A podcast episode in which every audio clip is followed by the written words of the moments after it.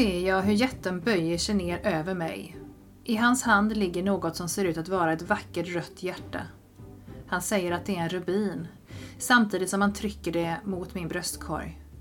Jag upplever det som att han sätter in hjärtat i min kropp, bredvid mitt eget fysiska hjärta, och jag känner plötsligt dubbla hjärtslag i mitt bröst. Jag tappar andan och håller på att falla bakåt.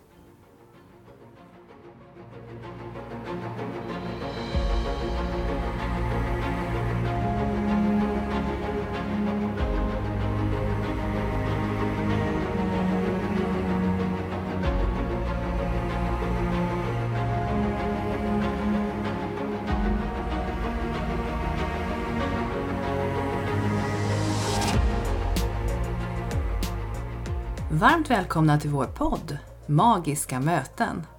Här delar vi med oss av våra upplevelser till er lyssnare genom att berätta om spännande och på olika sätt känslomässiga möten som vi genom åren haft med det övernaturliga. Sedan man var liten har man fått lära sig att sanningen endast kan bevisas genom fysisk existens. Men i den här podden släpper vi logiken och låter känslorna och intuitionen leda oss rätt. Vi heter Caroline och Mikaela och ska ta med er på vår resa in i det okända. Nu börjar Magiska möten.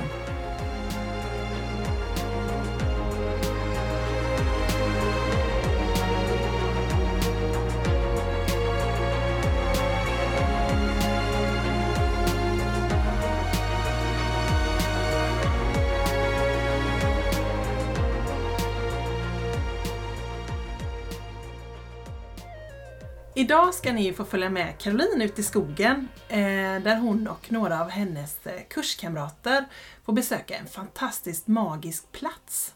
En före detta gruva som är fylld med vatten och vid den här gruvan så får du ju kontakt med en varelse som verkar lite, lite otäck och lite bitter i början. Men sen eh, ger dig en jättefin gåva. Ja, och jag gillar ju att vara i skogen eh, och på något sätt så är det för närvarande så att jag upplever de mest spektakulära eh, händelserna just när jag är i naturen. Jag har under en ganska kort tidsperiod nu eh, fått uppleva supermånga häftiga naturväsen eh, och de bara väntar på att få sin historia berättad. Det är som att de står på kö och ropar att jag ska komma. Och dessutom när jag mötte den här stora varelsen i skogen så fick jag med mig en gåva. Och eh, den pulserar än idag i mitt hjärta. Och jag kan inte vänta på att få ta med er ut på det här häftiga äventyret. Så jag säger välkomna till avsnittet Bergets ansikte.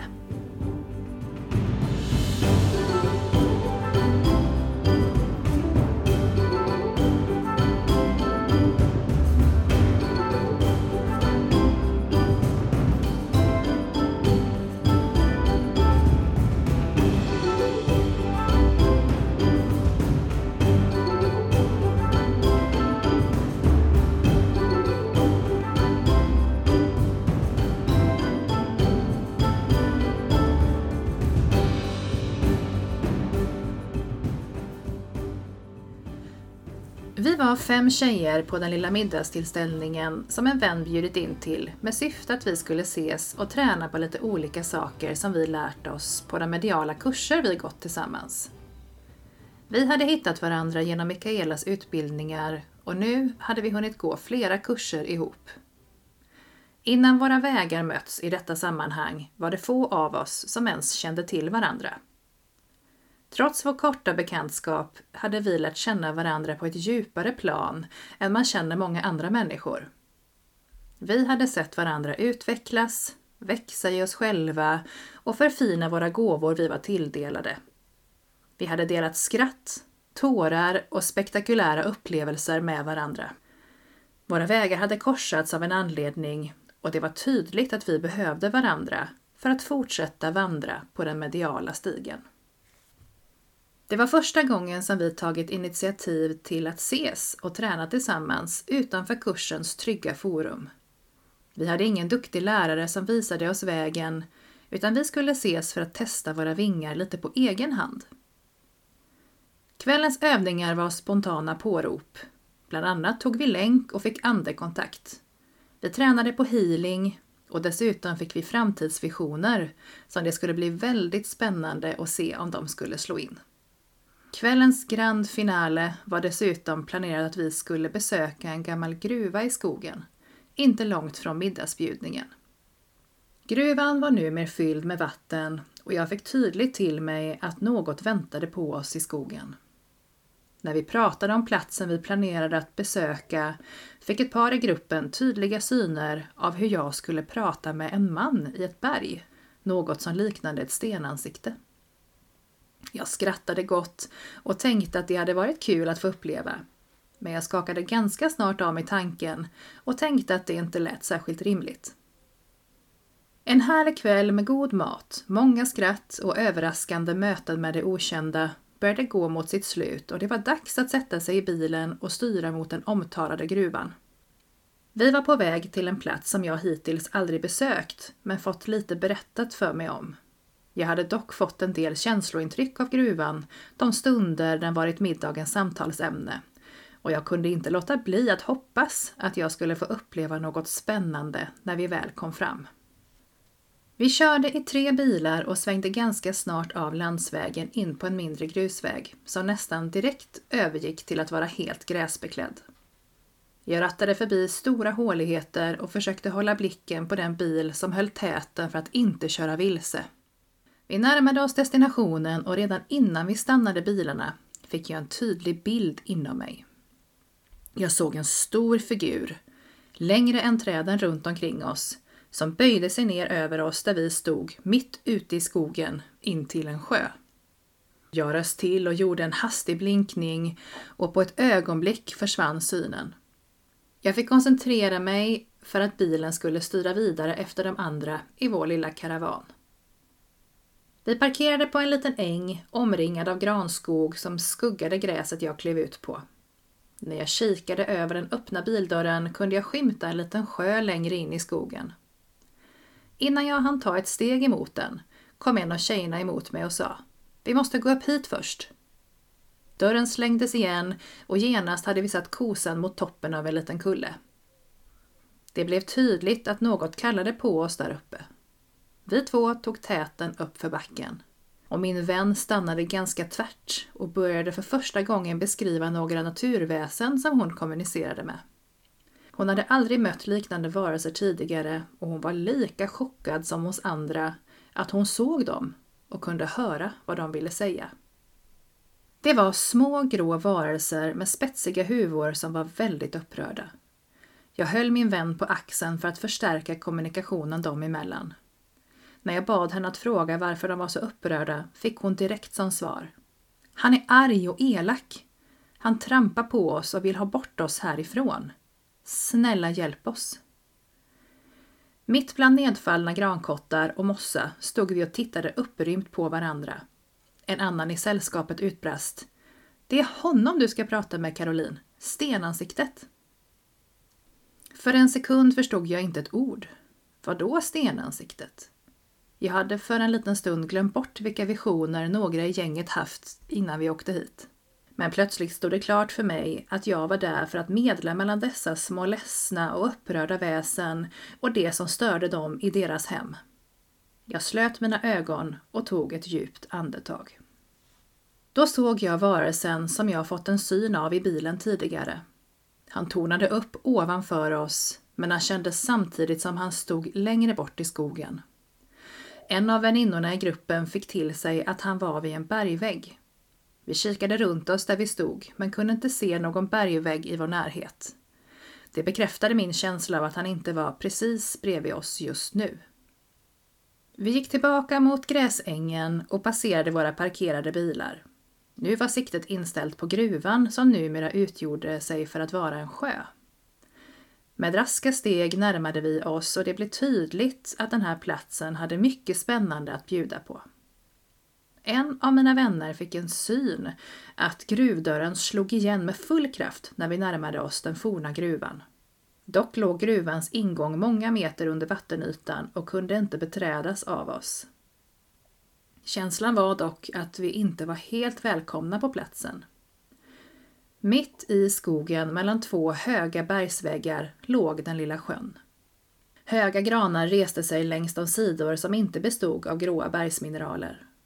Sjön dolde något vidunderligt men samtidigt mystiskt under ytan.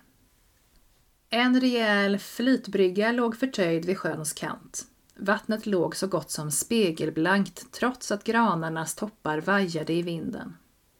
Solstrålarna silades genom grenverken och gav vackra mönster över både land och sjö. På ett par ställen krusade sig plötsligt vattenytan och det kändes som om det fanns mycket som rörde sig i det mörka djupet. Närmare 60 meter hade jag fått berättat för mig att hålet var djupt. Det bruna ytvattnet kändes varmt och välkomnande när jag klädde av mig skorna och doppade ner fötterna från bryggans kant. Jag ville inget hellre än att kasta mig raklång ner i vattnet. Det lockade att få bryta den spegelblanka vattenytan och få flyta med blicken fäst mot himlen och bli ett med djupet under ytan. Så lockande att jag hörde mig själv avbryta någon mitt i en mening och säga Är det konstigt om jag badar nu? Jag fick lite förvånade huvudskakningar till svar och någon utbrast Nej då, absolut inte. Jag kunde inte vänta på att få hoppa i, så jag slängde av mig klänningen och hoppade i vattnet klädd endast i mina underkläder. Vilken befrielse!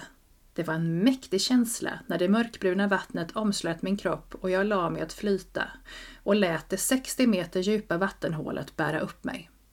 Vattnet kändes så skönt mot min varma hud. Det var lugnt, fridfullt, men också som att platsen bar på en del hemligheter. Jag sträckte ut mina armar och ben och tog ett djupt andetag och flöt tyngdlös medan jag andades in platsens energi. Det kändes som att något lindades runt min kropp.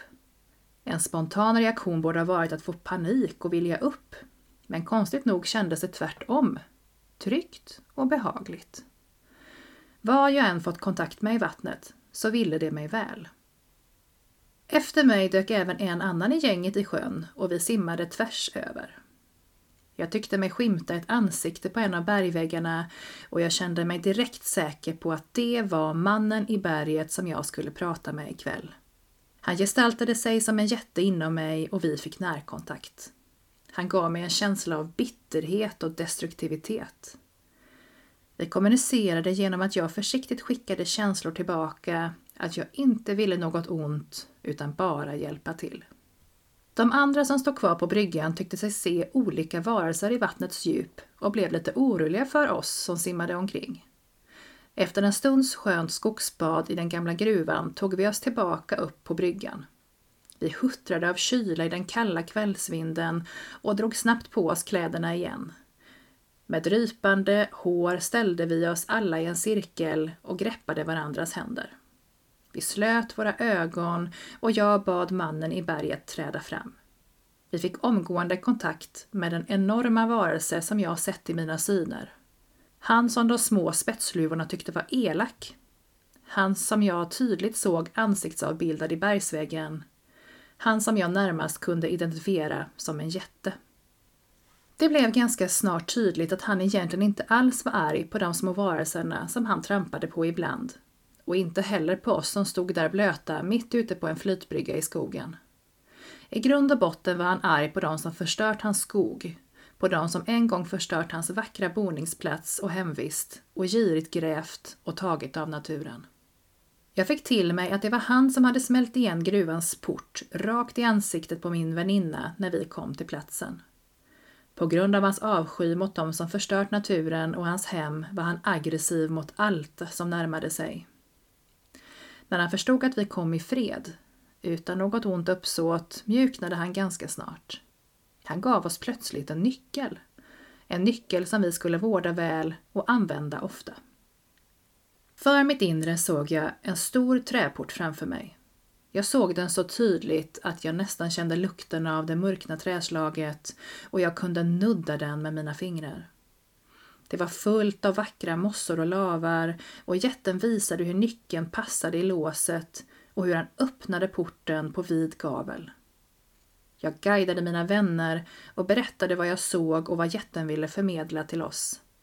Han bad alla att titta in genom porten och mötas av det enorma ljussken som spreds genom dess öppning. Det var ett varmt gulvitt sken som spreds som solens strålar rakt in i våra kroppar. Ta emot ljuset och låt det gå från dörröppningen rakt in i era hjärtan, sa han. Använd nyckeln och öppna upp för att låta ljuset stråla in igenom er. När ni är lite trötta och behöver mer energi kan ni alltid göra så här för att höja er energinivå och må bättre. Ta tillvara gåvan, håll dörren öppen från nu och framåt.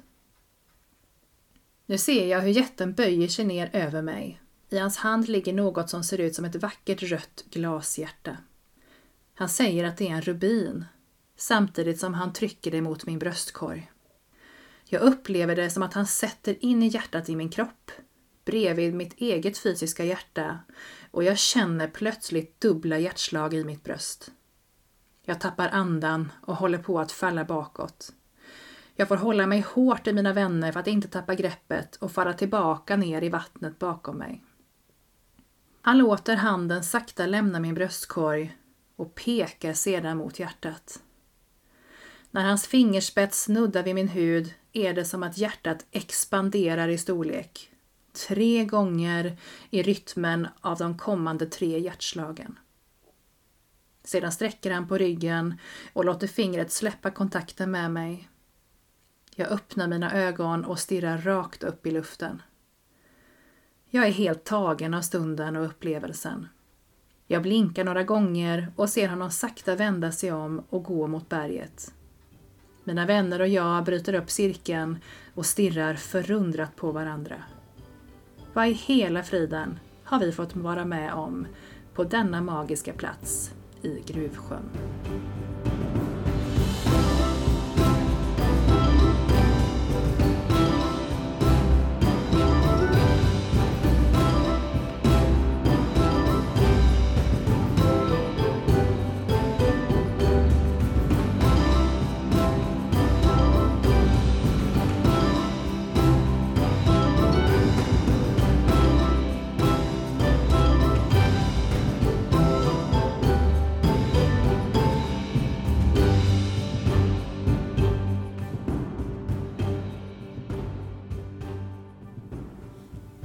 Är så fin den här berättelsen, de här upplevelserna som ni har haft ute i skogen. Eh, Men jag tycker vi måste nästan börja med det här att du har ju faktiskt gått kurs under vårterminen. Ja, Ja, flera kurser. flera kurser. Kan du inte berätta lite grann om detta? Absolut. Ehm, Det som har eh, gett eh, störst aha-upplevelse förutom alla häftiga upplevelser man har haft rent andligt är ju att man vid ett kurstillfälle kommer in i en grupp med tio människor som man känner lite flyktigt eller inte alls. Sätter sig ner i en cirkel och sedan är det ungefär som att vi har känt varandra för evigt och man öppnar upp hela sig själv och får ta del av varandras absolut djupaste stunder på något vis. Man delar verkligen allt. Man delar kärlek och skratt, eh, men också mycket sorg och tårar. Och mäktiga upplevelser. Så att det är superhäftigt och det har eh, ju varit så att några av kursdeltagarna som började i januari har ju hängt i och gått flera kurser ända fram till nu. Och kommer att fortsätta. Och vi har också träffats, som i historien här då, utanför kurserna nu också. Våga ta det steget eh, och utmana eller utforska, ska jag väl säga, det okända lite grann på egen hand också. Så att den här våren har ju eh, min resa tagit en rejäl fart, måste jag säga. Mm. Och det är väl kanske så när man får lite olika redskap att då, eh, då händer det grejer ganska direkt. Det Precis. händer grejer. Och precis som du sa det här att man träffar eh, några främlingar, man sätter sig ner i en cirkel och sen när den helgen är över så går man därifrån och tänker att man har vänner för livet. Mm. Det är en väldigt märklig känsla. Mm. Och, och jag har ju också gått kurser genom åren och så och jag tänker också varje gång så här när man sitter där första dagen och tittar runt på de här så tänker jag så här det är häftigt men efter den här helgen så kommer vi vara på ett helt annat plan med varandra och Mm. har en helt andra liksom, syn på varandra och våra upplevelser och sånt. Mm. För man delar väldigt mycket i cirkeln. Man delar väldigt mycket i cirkeln och man delar saker som man kanske inte ens har delat med någon annan innan. Eh, och i, i förtroende och det känns tryggt. Så det är en, bara att gå kurs tillsammans med andra människor och, och få dela med sig och få ta del av andra människors livshistorier och upplevelser. Det är um, jättehärligt, måste jag säga. Och eh, på ett helt annat sätt än vad jag kanske trodde innan. Och när vi dessutom är ett gäng som har följts åt under några kurser så kommer man varandra väldigt, väldigt nära. Mm, och det är fantastiskt. Jag, jag har haft förmånen att se er utveckling från, från ni startade i januari Ja. fram till nu. Och nu sitter vi och spelar in i juli, mm, Mm. ett halvår. Eh, hur mycket det som har hänt, eh, både med din resa men också med de andra kursdeltagarnas eh, resa. Så det är fantastiskt att få lov att vara med på det. Jag har ju följt din resa under flera år. Mm. Så att eh, jag eh, har ju ändå sett många saker. Men det är inte först man kommer i grupp som den stora, upp, det här upplever jag i alla fall som den stora liksom, expansionen händer. Nej. Det är någonting som du säger det här med att man, att man får titta på andras resor och man växer utav det på något sätt. Mm. Jaha, hade du en sån upplevelse? Gud vad spännande! Och sen går det några gånger så kanske man själv får en liknande upplevelse. Någonstans så är det ju så att man, man växer i mötet med andra. Man kan inte sitta bara på egen kammare och uppleva och göra saker och ting för man kan bli ganska duktig men det är i mötet med andra som man växer ordentligt. Mm. Det har blivit väldigt tydligt tycker jag under våren. Men om du tittar tillbaka på vart vi startade våran andliga resa och när du outade första gången för mig att du var medial och sedan när vi sitter här just nu. Vad tänker du är den största resan jag har gjort eller vad, vad tycker du är häftigast i min eh, resa så här långt? Nej men jag, någonting som fastnade i mig det var att du eh, ett tag var väldigt så här. Ja men det är så himla tråkigt för jag ser ju ingenting. Nej. Men jag upplever, jag hör ju att du berättar att här står det någon eller, eller att du får ett budskap från en ande eller från, från att du ser saker och ting när du tar ett föremål och så. Jag tycker det är så tråkigt, jag kan inte se något, jag kan inte känna något, jag kan inte liksom så här. Och jag sa till dig flera gånger, ta det lugnt. Det kommer att komma. Ja. Men det kommer när man är redo för det. Och du bara, det kommer aldrig komma. Nej, kommer aldrig komma. säker. Det kommer aldrig gå. och jag bara, jo då, det gör det. Men man måste ge det tid. Mm. Och någonstans sätta det i perspektiv att min resa har varit livslång. Mm. Jag är snart 50 år gammal och har hållit på hela livet. Det är inte konstigt att, att den resan har kommit några steg eh, liksom vidare. Eh, och du startade upp från scratch för ett par år sedan. Mm. Det tar lite tid. Eh, för man behöver på något sätt ehm, hitta en del nycklar i sig själv. Man behöver jobba ganska mycket med sig själv och sin egen inre utveckling innan man kan börja på den mediala utvecklingen. Ehm, och du är ju ett par år yngre än mig dessutom, Mm. så det tar lite tid. Eh, när man är mitt i livspusslet med barn och familj och karriär och allting så det, det är inte den lättaste att starta resan i det läget. Nej, eh, det är det inte. Absolut inte. Precis som du beskriver så nu det sista, inte alls långt tillbaka, egentligen bara en månad eller två, så har jag börjat att få lite inre bilder och verkligen se saker inom mig själv. Jag ser det kanske inte som att det står fysiskt framför mig ännu. Eh, Det är jag kanske inte redo för heller tänker jag. Mm. Men jag får väldigt mycket inre bilder och det har jag ju verkligen sagt att det kommer jag aldrig göra och det går inte och vad svårt och vad tråkigt att inte jag ser något. Och jag hör ju även vissa, både i det gänget som, som var på den här eh, händelsen i skogen där vid gruvan men också när man möter människor som har en medial gåva men jämför sig, ja men jag ser inte till exempel och blir lite besvikna. Och då brukar jag svara som du gör, att ta det lugnt, det kommer. Sen tror jag kanske inte att seendet är min starkaste sida. Men det är häftigt att det har tagit en sån utveckling på ganska kort tid nu. Mm. Eh, Jag ser jättemycket saker.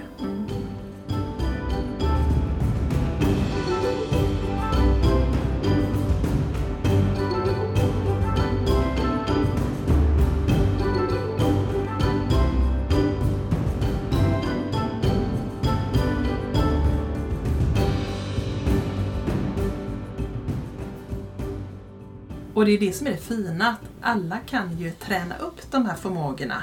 Sen, sen är det som du säger, man har vissa saker mer eh, eh, naturligt i sig. Vissa saker är ju enklare för vissa och andra är så. Så är det ju. Vi har ju våra liksom specialiteter inom detta, så är det ju. Mm. Men alla kan träna och bli helt okej på det mesta. Om man bara liksom, men det är väldigt mycket träning bakom, det kan man ju inte säga än något Nej. annat om. Alltså du har tränat Så jättemycket. Och sen är det inte så att jag bara tränar på att nu vill jag se, nu vill jag se, Nej. nu vill jag se och så ser jag. Utan jag har ju tränat på väldigt mycket andra saker. Ja. Och mycket meditation och mycket försöka att använda min starka sida som nog är min, mitt kännande. Eller vetande, att jag känner saker eller bara vet saker. Och försöker utifrån var får jag den informationen ifrån då. Mm. Ehm, att försöka hitta liksom inre bilder och jobbat mycket med det. Eh, Och genom meditation också. Och jag kommer ihåg eh, när vi var iväg på någon andlig mässa ganska i början av din eh, ska säga, resa eller när vi hade börjat prata om de här sakerna. Så var vi iväg och gjorde en tidigare livsmeditation. Just det.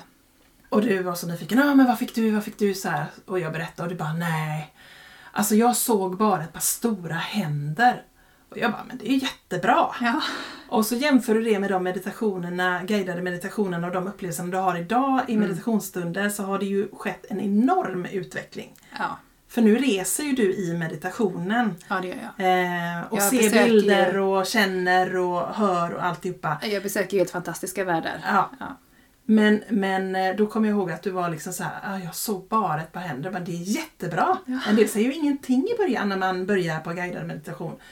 Men då är det ju bara att följa med, för förr eller senare så kommer flödet. Men det, det gäller ju att ha tålamod. Det är lätt att låsa sig och Ja. tänka att jag ser, eller jag vill se, jag ser inget och så bara man Ja. blir lite frustrerad och då ser man absolut inget. Nej, kan jag uppleva. Alla andra ser man. Man jämför sig oftast med, med människor som kanske har hållit på med det i hela livet. Alltså, det kan man ju inte göra.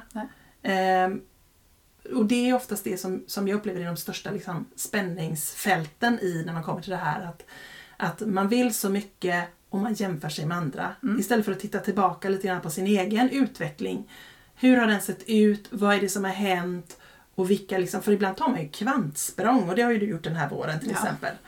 Men, men, och ibland går resan långsammare men man får, också, man får också se på vart man är i livet och vad som händer i ens liv samtidigt. Eh, och det är ju inte heller ovanligt att när man gör en andlig resa och man tar lite kvantsprång att man även förändrar andra saker i livet. Man flyttar, byter karriär, eh, skiljer sig, gifter sig, skaffar barn. Alltså att det händer andra saker. För någonstans så drar den le- resan, den liksom drar med sig övriga livet också. Man hittar liksom sin inre kärna och när man gör det så börjar man ju titta på sitt liv och fundera på Lever jag precis det livet jag absolut önskar mig? Och många gör ju inte riktigt det. Och då eh, behöver man ju börja förändra även det. Och det kan vara tuffa bitar att ta. Mm. Jag har ju själv upplevt det att man, att man eh, börjar titta på sig själv lite grann när man liksom får kontakt med sig själv och sitt inre och sitt sanna jag och så börjar man titta på sig själv och så känner man Oj, jag måste göra livsförändringar nu och det kommer göra ont.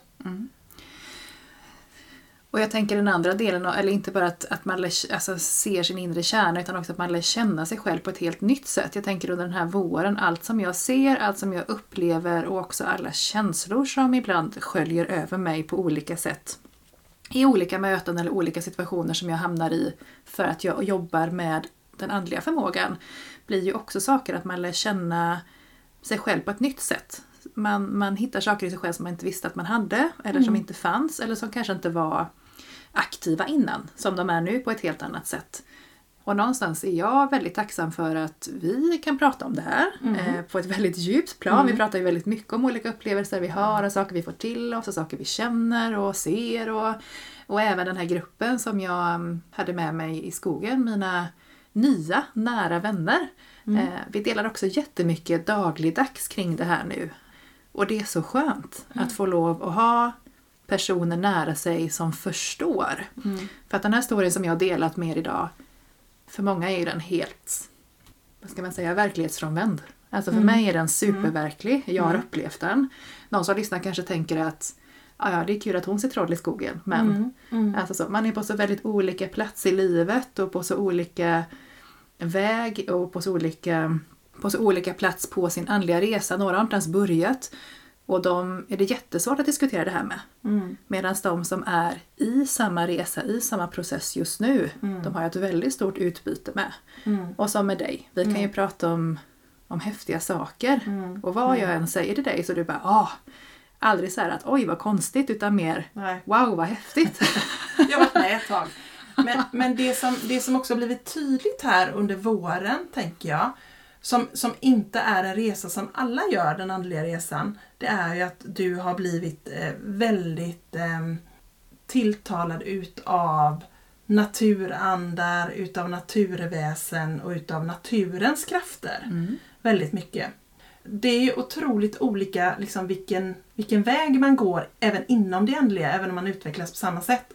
Och det är ju inte en väg som alla tar. Nej. Och därför så tror jag att ehm, det kanske är mer, vad ska jag säga, vanligt att man tar eh, den här vägen med att man kommunicerar med, med avlidna eller att man eh, spökutdrivningar eller Alltså lite grann av det vi ser i den kom- kommersiella världen så är det ju det som outas ganska mycket.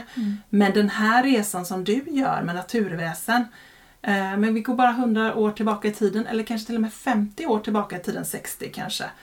Så är det en mycket större del utav gemene mans tillvaro. Eh, Man pratar om naturväsen, alltså vi i den svenska traditionen har ju otroligt mycket naturväsen i våran historia tillbaka i, tiden. Du har ju verkligen gått tillbaka i vårat svenska arv, tänker jag eh, i din resa. Men nu för tiden så är inte det här det som kanske kommer fram mest i media. Nej. Och därför så kan man få lite sån här eh, stämpel av att man är lite tokig. Ja, Eh, det tar men, jag så gärna. Ja, men, men, det, men det jag vill säga med det är att kommunikation över gränserna, oavsett om det är med, med en avliden släkting, oavsett om det är med en ängel eller om det är med ett naturväsen eller med ett djur. Kommunikationen ser likadan ut. Det är bara liksom olika kanaler för att eh, kunna ta emot och sända de här budskapen. Så om man väl lärt sig en teknik så kan man applicera den på många olika saker.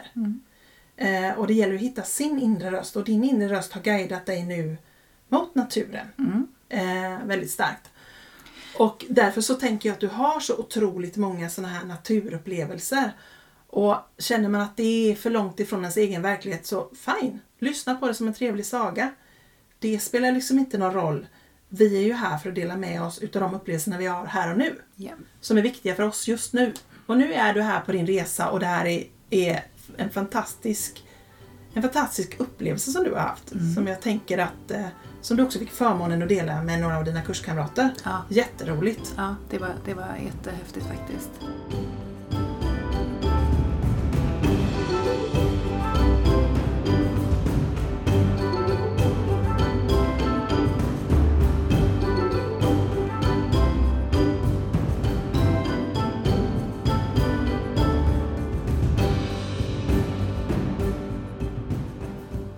Och det som var speciellt var ju också att många utav oss i gänget, vi var ju fem tjejer som sågs, fick ju visioner och känslor och intryck utav den här jätten långt innan vi ens besökte platsen och jag också. Så att på ett eller annat sätt hade vi alla lite kontakt.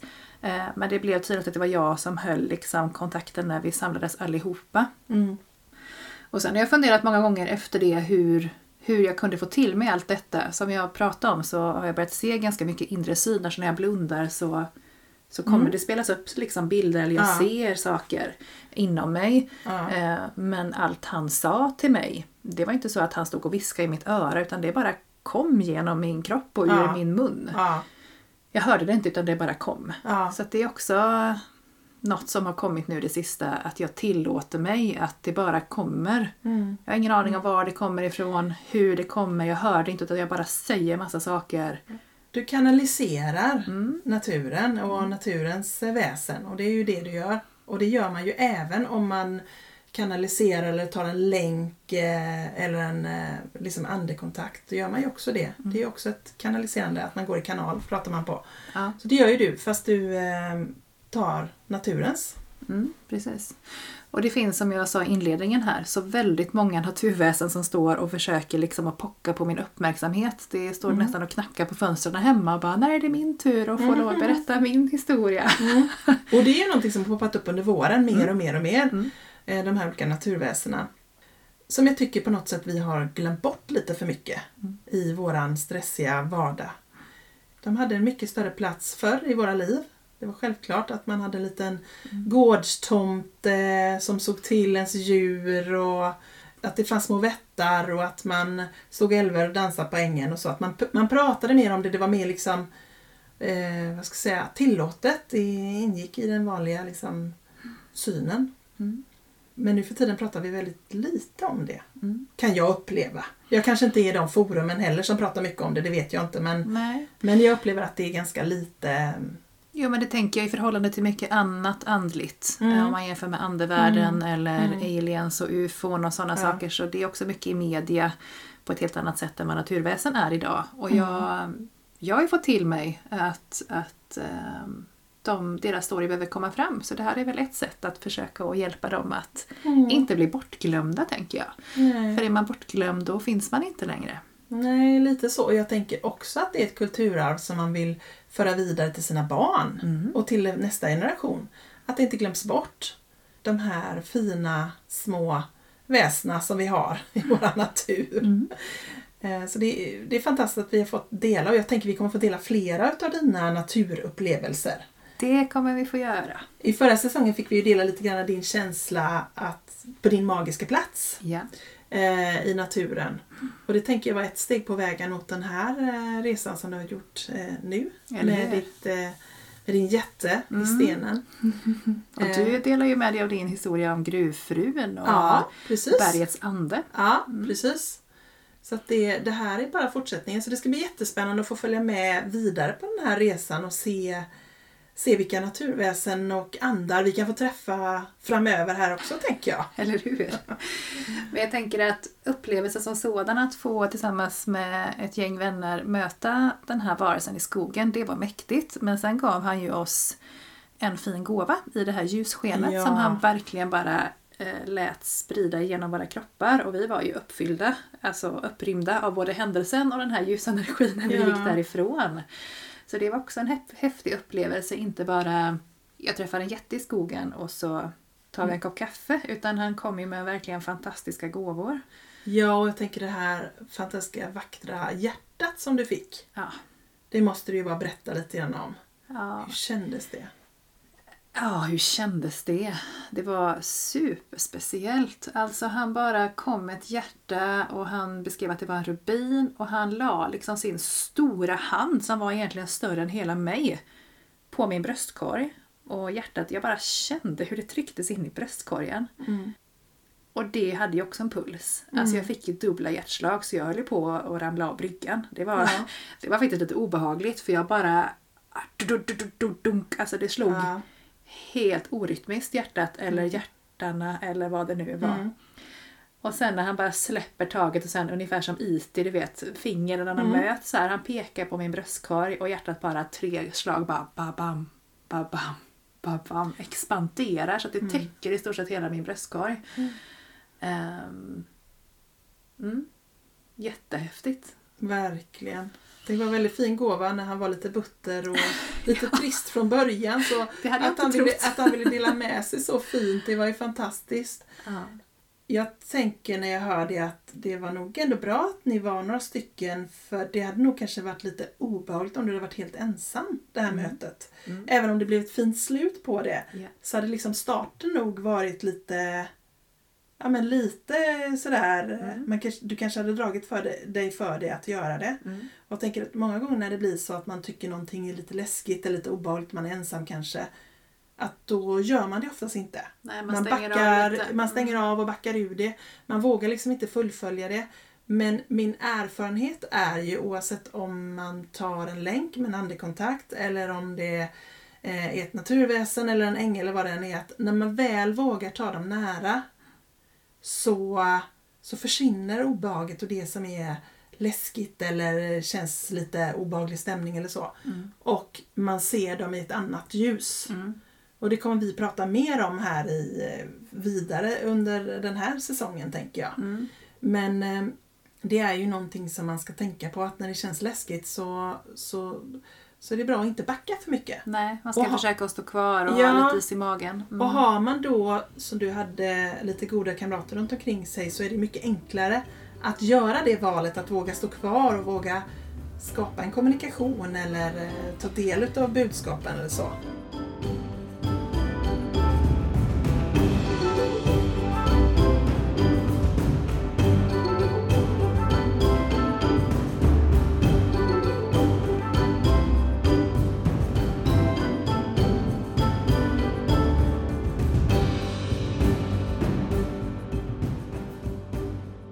Jag upplevde också att det var kanske lättare att hålla kontakten eh, när vi var flera i den här cirkeln, när jag tog kontakt med jätten och att kommunikationen blev mycket tydligare. Eh, det var ju som när vi parkerade bilarna och först gick upp på den här lilla kullen och en av mina vänner fick kontakt med de här små varelserna som vi tror är vättar. Eh, att när jag höll i henne så blev hennes kommunikation mycket enklare och tydligare när vi liksom hjälptes åt. Utan att det var jag som kommunicerade så bara räckte att jag höll henne på axlarna så stärktes hennes kontakt. Eh, och det var samma när vi ställde oss i den här cirkeln på bryggan att när vi höll varandra i händerna så var det ungefär som att vi blev fem gånger så starka.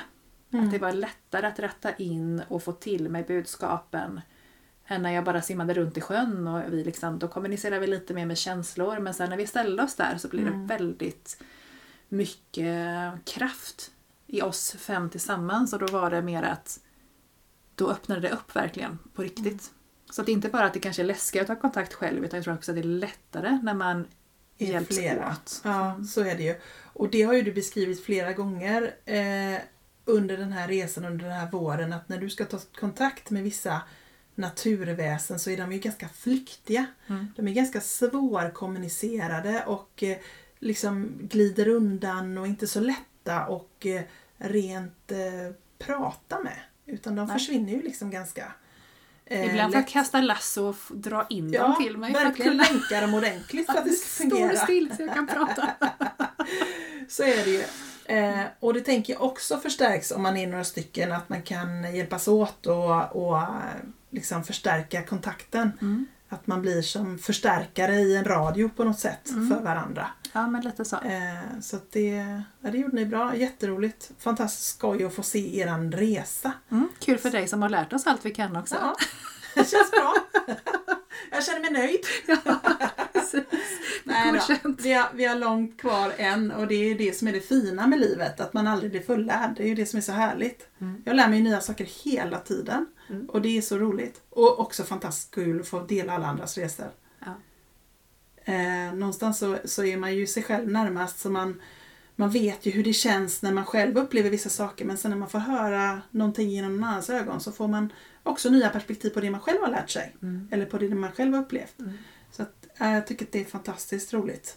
Och eh, jättehärligt att ni kan få en styrka av varandra i Mm. cirkeln. För det är ju lite det som är meningen. Eh, efter en helg så är man ju inte fullärd på någonting utan det är ju träningen efteråt och samarbetet som gör att man eh, utvecklas. Så därför är det så bra att träna emellan kurserna. Mm. För det märker man, de som kommer till kurserna har tränat emellan kurserna. Där, där har resan gått vidare med ganska rask takt. De som inte har tränat emellan, där kan man märka att det är ett, ett liksom mer långsamt flöde. Mm. Men man får också tänka på att vi är på olika platser i livet och man har olika både möjlighet och upplevelser i vad man behöver göra i nuet. Mm. Olika förutsättningar. Precis. Och ibland kan det vara svårt i vardagen att plocka fram ehm, den här kunskapen man har fått till sig och praktisera den själv hemma eh, med sin familj. Eller man, ibland behöver man också komma i rätt stämning och i rätt sällskap för att känna att man Mm. Lyfter har varandra. möjlighet, ja, att man lyfter varandra men också har möjlighet att, att eh, öppna den dörren för sig själv. Så är det. Så är det ju. Det är skönt att vara i ett sånt tryggt sammanhang som man ändå blir i en sån grupp Mm. eller en sån cirkel. Ehm, där, där känns det mer naturligt också att dela de här sakerna. Det gör det ju kanske inte i vardagen annars med vem som helst. Jag måste ändå slå ett slag för det här och gå kurser. Jag tycker att det är fantastiskt. Vilken resa, vad mycket som händer. Mm. Både med själv och med andra. Och Med ens relationer tänker jag också händer mycket. Relation till sig själv men också relation till sin omvärld. Och det är fint att se.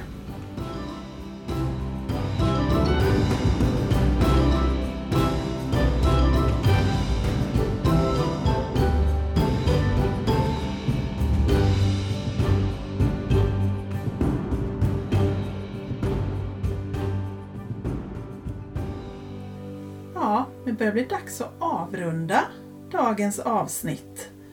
Vi har ju pratat om, om så många spännande saker.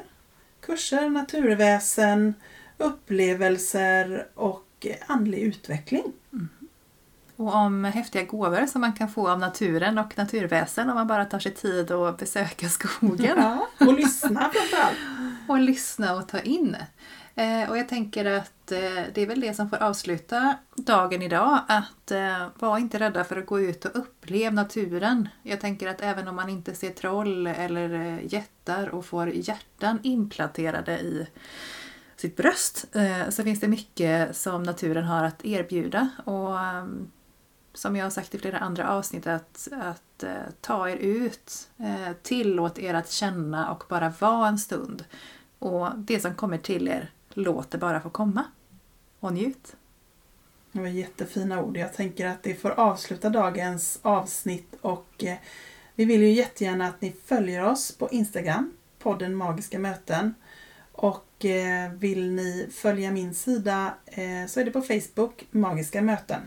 Precis. Så att välkomna in, ta en kik på vad vi gör och när vi släpper nästa avsnitt och vad det ska handla om. Precis. Missa inte det, podden Magiska möten. Tack för att ni har lyssnat. Hej då!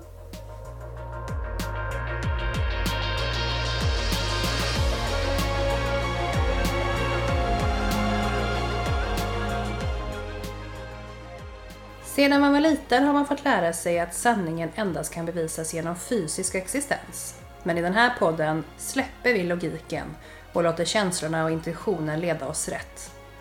Tack för att ni har lyssnat på Magiska möten.